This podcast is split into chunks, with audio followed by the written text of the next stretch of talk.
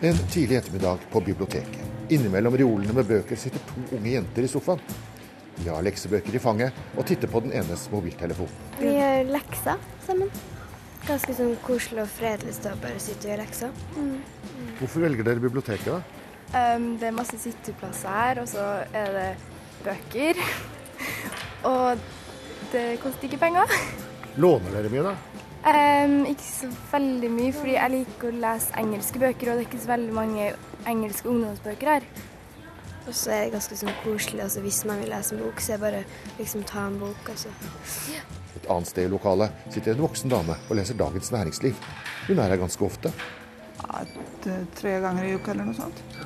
Hva er det du bruker biblioteket til, da? Låne bøker og leser aviser. Hvorfor er eh, biblioteket viktig for deg? Det er en spasertur eh, inn til byen og frisk luft og en tur ut. Sånn. Hva er det du liker ved det biblioteket her, da? Jeg er helt ærlig ikke noe sånn spesielt, men det ligger i sentrum. Og bordene her nede i barneavdelingen er akkurat nå okkupert av en gjeng som jobber med hver sin PC. Eh, Når jeg har skoleprosjekter og kanskje trenger bøker, eller når vi skal ha samarbeid, så når vi ikke kan dra hjem til folk, så er vi her og samles her. Men dere kan ikke være på skolen i stedet? da? Men det er ikke alltid det er klasserom ledig og sånn på skolen. Hva syns du om biblioteket her, da? Eh, Den er stor, og det er plass til å jobbe med lekser og sånn. Så Er, du, er du ofte her? Nei, ikke så ofte. Når jeg har eh, mye lekser å gjøre, så kommer jeg her. Hva syns du om å sitte her og jobbe, da? Jo, det er stille plass som du kan lese og skrive. Trondheim folkebibliotek ligger på historisk grunn. Her kan man se ned på ruinene av en olavskirke fra middelalderen, og til og med se skjeletter som er utgravd. Den gamle delen er byens gamle rådhus med fangehule, der både Gjest Bårdsen og Hans Nilsen Hauge har sittet. Og så i den nye delen fra slutten av 80-tallet. Lys og luftig, som raskt førte til en dobling av besøk og utlån. Berit Skillingsås Nygård er biblioteksjef og forteller hvordan det er å drive bibliotek i en digital tid. Vi lever i to verdener. Vi lever i den fysiske verden hvor de har de fysiske bibliotekene. Og så har vi også en digital verden, da, hvor vi har e-bøker, og hvor vi også har en del sånn veiledning til publikum via hjemmesida og via andre eh, sosiale medier, bl.a. Men hvordan har alt dette nye påvirket det gamle? Vi sitter her i biblioteket omgitt av hyller på hyller på hyller med bøker. Fysisk, eh, fysiske bøker de er fremdeles veldig mye utlånt. Og spesielt skjønnlitteratur. Der eh, ser vi ikke noen nedgang. Så der er det status quo. Bibliotek er jo ikke bare bøker. Nei, det er ikke det. Så vi har musikk og vi har film. Og der merker vi den digitale tidsalderen mye sterkere grad. Der har utlån gått ned. Hva, hvordan ser du for deg bibliotekets rolle i framtida når stadig mer kommer på nett? Altså vi, da må vi være på nett. Vi må være der folk er. Eh, og da tenker jeg at i enda større grad eh, så vil det der med å velge litteratur, velge kunnskap, finne kunnskap, den, du må ha noen til å hjelpe deg i det. Informasjonssamfunnet og informasjonen det øker med tilfang. Og da må du ha noen til å hjelpe deg. Hva skal jeg velge for at det skal være relevant og for at det skal være riktig? Er det noe dere kommer til å slutte å gjøre, sånn som, som dere gjør i dag, sånn som du ser det? Ja, vi kommer til slutt sannsynligvis å låne ut fysisk film og musikk. Det kommer vi til å slutte med. Det Trondheim folkebibliotek ikke kommer til å slutte med, det er ulike arrangementer. Ca. 500 ulike arrangement har vi per år. Så, så da kommer folk. Masse folk. Kan du gi noen eksempler på hva slags arrangement dere har? Ja, vi har jo konserter, da. Og så har vi forskjellige litterære arrangement hvor folk får møte forfattere, både internasjonale og lokale og nasjonale. Så det er en ganske stor del av det vi gjør. Men i tillegg så har vi òg kurs. Altså før, da du gikk eh, på biblioteket og så fikk du med deg enten en, en fysisk bok, eller du fikk med deg et tips om hvor du skulle søke, så har vi også i dag ganske mange foredrag eh, som gjør at eh, vi har en livslang eh, informasjonstilgang for folk, da. Fra i år er formålsparagrafen for folkebibliotekene endret, slik at den skal være en arena for offentlig samtale og debatt, som det heter. Så da er spørsmålet om valgkampen neste år blir flyttet inn på folkebiblioteket. Vi hadde små forsøk for to år siden, eller for ett og et halvt år siden. Da diskuterte vi jo bibliotek og kultur. Men jeg ser for meg det at Og vi har allerede fått spørsmål fra partier om de kan komme og ha Eh, debatter her, da. Og da er det klart at da Vi er jo så heldige at vi har egne arenaer som vi kan ha debatter. Eh, sånn at det skjer ingen betenkeligheter med å invitere partiene inn og kan ha debatter her. Nygaard mener folkebiblioteket har en viktig plass også i framtida. Botten altså i et bibliotek, det er litteratur, og det er kunnskap. Så at vi får en stor rolle videre. Både det å levere litteratur, og det å, å være, være, med i den livslange løpet som læring er i dag. Men ikke alle er enige med biblioteksjefen i Trondheim. Medredaktør i tidsskriftet Minerva, Christian Meisingseth, mener glansdagene for folkebibliotekene er over. Den grunnleggende fundamentale oppgaven til bibliotekene er jo å gi eh, et tilbud, altså et kunnskapstilbud og spre informasjon til befolkningen eh, på en lett tilgjengelig og gratis måte. Eh, og det som jo er helt fantastisk som skjer i vår tid, er at uh, internett gjør uh, kunnskap og informasjon gratis tilgjengelig på en enda lettere måte. Og det gjør at bibliotekene blir, blir mindre viktige. Og, og, når man ser på um, tall fra SSBs kulturbarometer, så viser jo også de at befolkningens interesse for bibliotekene er synkende. Men, men det er fortsatt mange som bruker det? Det er mange som bruker det. Absolutt. Um, og så kan man se på den gruppen som eh, kanskje raskest tilpasser seg eh, den nye informasjonshverdagen, nemlig ungdom. Og der er bruken raskt fallende. Altså for den gruppen mellom 16 til 24 år, for å ta det som et eksempel, så var det over 60% som brukte folkebibliotekene årlig i 1991. Og det tallet har altså stupt til 44% i 2012. Nå er jo 44% av befolkningen fremdeles ganske mange, men den, den illevarslende utviklingen er at, er at, fallet skjer ganske raskt. Samtidig som ungdom bruker bibliotekene mye mindre i dag enn tidligere, så viser tallene, kanskje litt overraskende, at de leser like mye som før og at de har like gode, eller kanskje til og med litt bedre leseferdigheter. Eh, og det tenker, jeg, det tenker jeg også er veldig interessant, fordi det betyr jo at biblioteket blir mindre viktige for å få ungdom til å lese og bli gode, gode til å lese. Og det er jo primært eh, bibliotekets eget problem. sant? For Hvis ungdom liksom finner andre kanaler inn til litteraturen og, og, og, og, lærer seg å lese på andre måter, så er det kjempebra for ungdom, men det er kjipt for biblioteksektoren. Du vakte oppsikt da du for to år siden skrev om at bibliotekene står for fall. Hvilke reaksjoner fikk du? Mm, de reaksjonene jeg fikk, var jo ganske harde. Og det tror jeg også illustrerer et ganske litt sånn, litt sånn morsomt poeng. da, fordi mange eh, ser på bibliotekene som en litt hellig institusjon. Det virker som du i løpet av de to årene har moderert deg litt, da? Ja, altså, jeg sa, jeg sa vel at bibliotekene var, var modne for historiens skraphaug. Det, det, sier jeg ikke lenger. Det var jo, det var jo litt sånn overdrivelse. Eh, men, eh, at, altså, jeg, jeg, tror man vil bli overraska. For, for, å ta en parallell, da. Hva skjedde med, med videosjappene? Eller, eller, hva skjedde med, med, med, musikkbutikkene? Eh, samtidig som de har forsvunnet, så har jeg i hvert fall personlig fått betraktelig bedre tilgang på både filmer og musikk enn jeg hadde den gangen. Og det er jo det som jeg tenker kan være så veldig spennende i fremtiden. At kanskje sitter vi om 10-20 år, 30 år, og så har bibliotekene, de fysiske bibliotekene blitt mye færre eller forsvunnet. Men så har alle likevel mye bedre tilgang på litteratur og informasjon og kunnskap enn det, enn det vi har i dag. Kurer. Når debatten om bibliotekene vekker sterke følelser, har det også med historien å gjøre. Førsteamanuensis Øyvind Frisvold ved Høgskolen i Oslo og Akershus forteller at historien om folkebibliotekene går 200 år tilbake i tid. Ja, Til Norge kommer det vel eh, sammen med disse potetprestene, som det heter. Altså opplysningstidens tro på at fornuften er det som teller. Og de var interessert i natur og jordbruk og bergverk. Det gjaldt å utnytte ressursene. Samtidig så var de sikkert også opptatt av å sivilisere og danne og foredle befolkningen.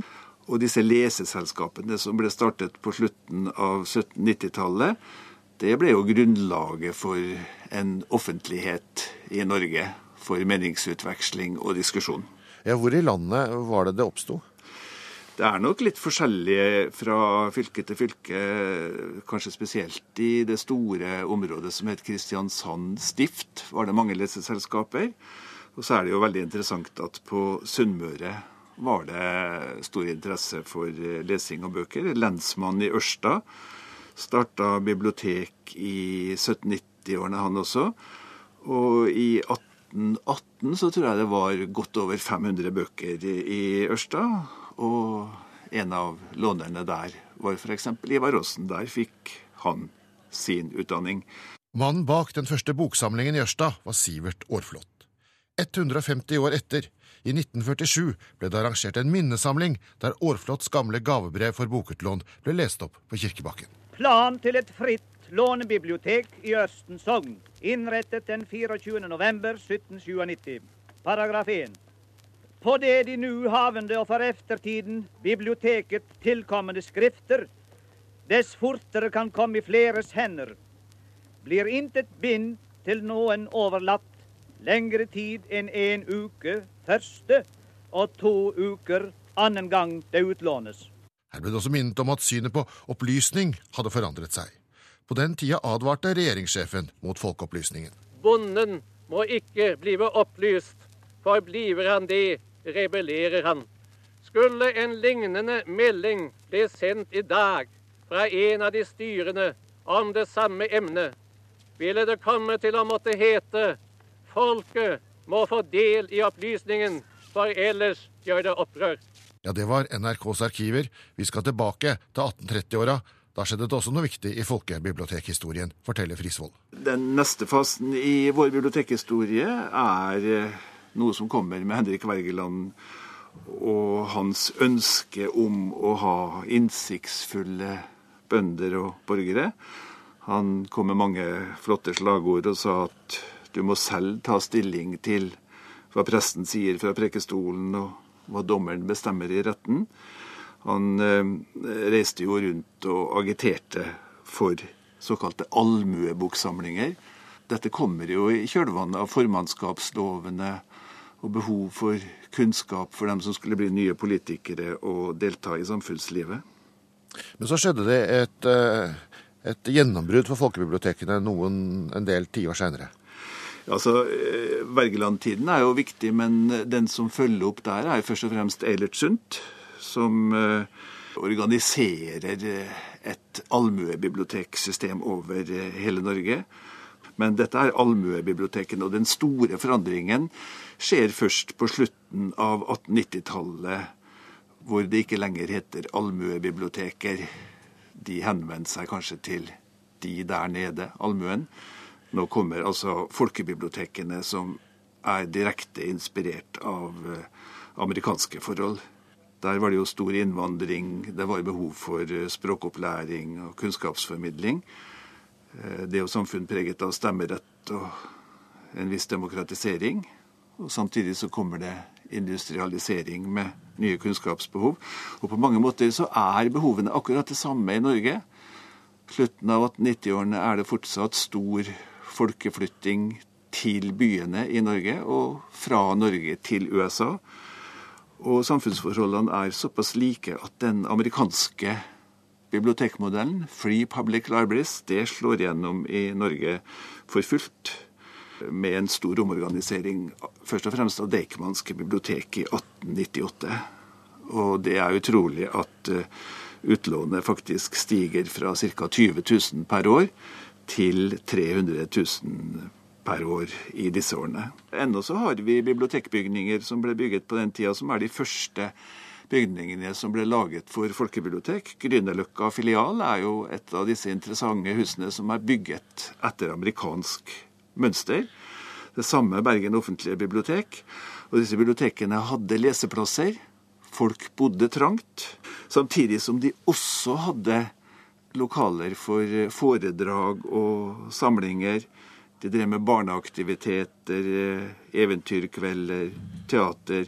Det vi i dag oppfatter som nytt med bibliotekdebatter og litteraturhus, er noe som har vært der i tankegangen rundt bibliotek hele tida. Og bibliotekene de spredte seg utover landet. Sånn rundt 1914 så var det vel bortimot de fleste kommunene som hadde eget folkebibliotek. Og folkebibliotek var jo basert på en idé om at det skulle være for hele folket. Akkurat som folkeskolen som kommer samtidig. Ideen om folkebad, folkemuseum. Her skulle det være noe som bandt folket sammen. Ja, Hvilken interesse hadde myndighetene av at eh, folk ble opplyst på denne måten? Det kunne jo sies på den måten at myndighetene hadde interesse av å passe på at det var den riktige anført kunnskapen som ble gitt, og at på den måten hadde kontroll med kunnskapsformidlingen. At dette var en baktanke, det kommer fram i et program om bibliotekene i Sogn og Fjordane fra 1940.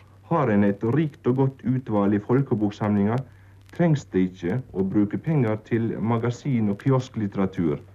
Boksamlingene skal oppøve og framelske sansen for god litteratur. Det gir avsmak for dårlig lesnad. 1970-tallet var igjen en tid med forandringer for bibliotekene. Mer penger og krav om at de ansatte hadde fagutdanning. Det var jo også merkbart fra 1970-tallet, hvor du fikk en helt ny innvandrerbefolkning i Norge som brukte bibliotekene i veldig sterk grad. De første pakistanerne brukte jo bibliotekene veldig aktivt eh, i disse årene. Ellers så vil jeg jo si at det som jeg syns mange biblioteker er flinke med i dag, det er de tilbudene de lager for barn. Har det hele tida vært gratis? Det har det nok ikke vært. Disse første leseselskapene var basert på at man betalte kontingent. Men det står klart og tydelig at eh, husmenn og strandsittere som er ubemidlet, kan låne gratis. Kanskje når de andre hadde lest bøkene. Bibliotekloven, den første kom i 1935, sa klart og tydelig at dette skulle være gratis. Og det ble gjennomført i kommunene etter hvert som de fikk råd til det. Gratisprinsippet er viktig for folkebibliotekene. Professor Svanhild Aabø ved Høgskolen i Oslo og Akershus har studert hvor mye vi setter pris på gratis bibliotek. Og det viser seg på et grunnlag av en stor nok mengde undersøkelser internasjonalt. Da. Den gjennomsnittlige innbygger mener at folkebiblioteket er verdt fire, for, for dem selv er verdt fire ganger mer, fire til fem ganger mer enn det vi betaler gjennom skatt og avgifter. Eh, sånn at det har ikke støtte i befolkningen du, til, at, at du skal betale per bruk. Du vet at Nederland har betaling. Hvordan har det fungert der? Jeg vet at antallet lånere, eller brukere over 16 år, der hvor betalingen eh, starter, at den er mindre Den er lavere enn eh, land det er naturlig å sammenligne seg med. Det vakte derfor oppsikt da Oslo Fremskrittsparti i valgkampen i 2011 gikk inn for egenbetaling. Her er kandidat Aina Stenersen i en opphetet debatt. Folkebibliotekordningen kom til på en tid da bare et mindretall hadde råd til å kjøpe bøker. Og Sånn er det ikke i 2011. Og en årsavgift på 200-300 kroner, det er ikke så mye. Eh, er det slik at FrPs velgere ikke leser bøker? Fremskrittspartiet sine velgere leser eh, bøker. Men man kan også kjøpe bøker på Mammutsalg, Man kan kjøpe det på nettet, og man kan lese det og laste det ned gratis også på internett. Nå har Fremskrittspartiet i Oslo snudd. Vi har blitt bibliotekenes venn, sier Stenersen, bl.a. fordi de er viktige for barn og innvandrere. Professor Svanhild Aabø er også opptatt av innvandrerbefolkningens bruk av bibliotekene. Det er veldig interessant og veldig morsomt, syns jeg, at det er tilfellet. Og det vet vi gjennom flere undersøkelser, både i Norge og, og internasjonalt. Jeg tror uh, gjennom en undersøkelse som jeg har deltatt i, hvor vi har sett på innvandrerkvinner, at biblioteket har en ulik rolle for en innvandrer etter hvor lenge vedkommende har vært i, i, landet. Men at det ser ut som de som er intervjuet hos oss, da, de har følt det som et nøytralt sted. Hvor de ikke ble stilt spørsmål til dem når de kom inn, at har, den lave terskelen gjelder. Svane Låbø har forsket på hva folk egentlig gjør på biblioteket. Vi fant ut at uh, folk uh, gjør mange andre ting enn å låne Eh, bøker. Altså å låne bøker og musikk og, og film er jo noe som ca. litt i underkant av halvparten gjør i løpet av et, av et bibliotekbesøk. Mens den vel halvparten, 56% gjør noe annet mens de er der. Og vi spurte om de hadde eh, De aller fleste sier at de gjør noe privat. Altså at de gjør noe enten noe eh, med skolearbeid eller med jobb. Jobbrelatert. Eller noe de er opptatt av privat. En interesse de holder på med. Sånn at de bruker den eh, som et, eh, en utvidelse av skole- eller arbeidsdagen. Eller for de som er pensjonister eller av annen grunn ute av arbeidslivet, som et alternativ til, til, til arbeidsdagen. Mens de er der, så kommer de i prat med folk, og de kikker rundt og ser på, på utstillinger på biblioteket, og de snakker med bibliotekarer om tips som de vil ha. Sånn at de, de møter et mangfold av eh, lokalsamfunnet i biblioteket. Og når vi da stilte enda et oppfølgingsspørsmål, har du også kommet i snakk med folk fra en annen bakgrunn enn din egen? Mennesker fra en annen aldersgruppe, etnisitet eller lignende? Så var det så mange som en tredjedel av alle bibliotekbrukere som hadde gjort det. Og det er kanskje eh, noe som er svært viktig i et samfunn hvor det er så vanskelig å finne steder for alle, hvor alle deler av samfunnet møtes. Skal et samfunn fungere, så må vi også møtes og omgås folk som ikke har akkurat de samme interessene og, og synspunktene som oss selv. Og da er det fint å ha et felles møteplass som biblioteket naturlig blir, i og med at det er åpent for alle, og alle har en følelse av at de tilhører der.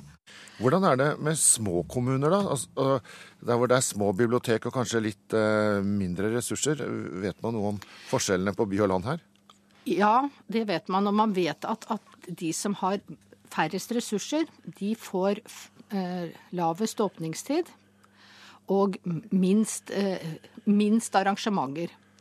Så der, jo, der blir jo virkningen og nytten av biblioteket mindre hvis du, du kan sultefòre et bibliotek eh, ved at det bare kan være åpent noen, noen, få timer, noen få dager i uka.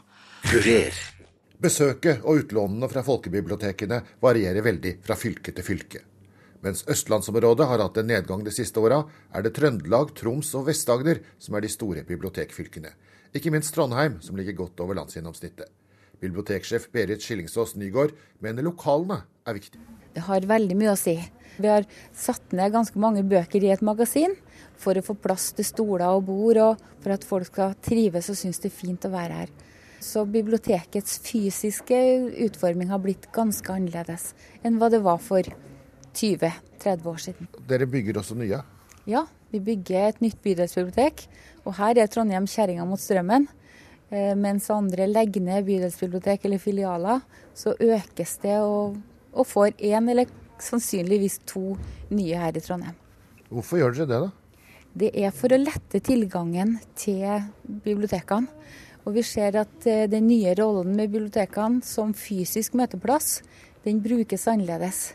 Mange av de ungdommene som, som ikke finner andre plasser å henge, de henger på biblioteket, og det syns vi er helt OK. Ja, dere har undersøkt hvor mange av de som er her, som egentlig låner? Ja, det er bare halvparten, det. Resten gjør andre ting, enten de henger med venner, som vi ser dem bak oss uh, gjør. De har sannsynligvis bare møttes og, og henger her. Uh, så har vi noen som leser aviser, og så har vi dem som bruker PC-er. Jeg husker eh, PC-ene da de kom på biblioteket. De var ettertraktet og det var lange ventelister. Hvordan har det utviklet seg? Ja, Vi hadde jo trodd at det kom til å reduseres betraktelig. Det var vi sikre på at hver mann satt med sin PC eller sin laptop hjemme i stua. Men det er det nok ikke. Fremdeles er det stor pågang, og kanskje i størst grad da av våre nye landsmenn. Biblioteket i Norge er jo gratis. Tror du det kan fortsette å være sånn? Ja, Det håper jeg endelig. Det, det tror jeg òg er noe av suksessfaktoren til bibliotekene. At de er, altså de er ikke, det er ikke lavterskel, men det er faktisk terskelfritt. Her kan alle komme inn. Enten du har mye penger eller lite penger. Her ser du at uteliggeren kommer inn òg, og sitter og leser eh, midt på dagen. Og du ser jo ei fine fruen fra Singsaker kommer òg og låner sin bok. Hvor mange er det innom her på en vanlig dag? Det er mellom 5000 og 6000. Så det er ganske mange som eh, besøker oss. Så det blir jo over en million per år, da. Så det er ingen av de andre kulturinstitusjonene som når oss til knærne i, i så måte. Det var altså situasjonen i Trondheim. Men Minervas Christian Meisingseth mener bibliotekene kan gå i en felle ved å prøve å være for mye. Fordi eh, når man ser det at kjerneoppgaven eh, er i forvitring, så søker man til alle andre mulige ting.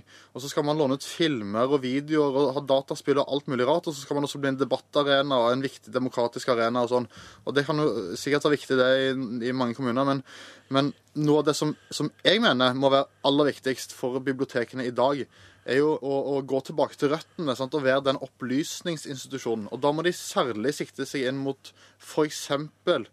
Eh, den delen av ungdommen som har, lesevansker, da, for å ta noe så enkelt. Og De kommer ikke til biblioteket frivillig. Og hvis de kommer til biblioteket for å spille dataspill, så er jeg ikke sikker på om det er det beste heller.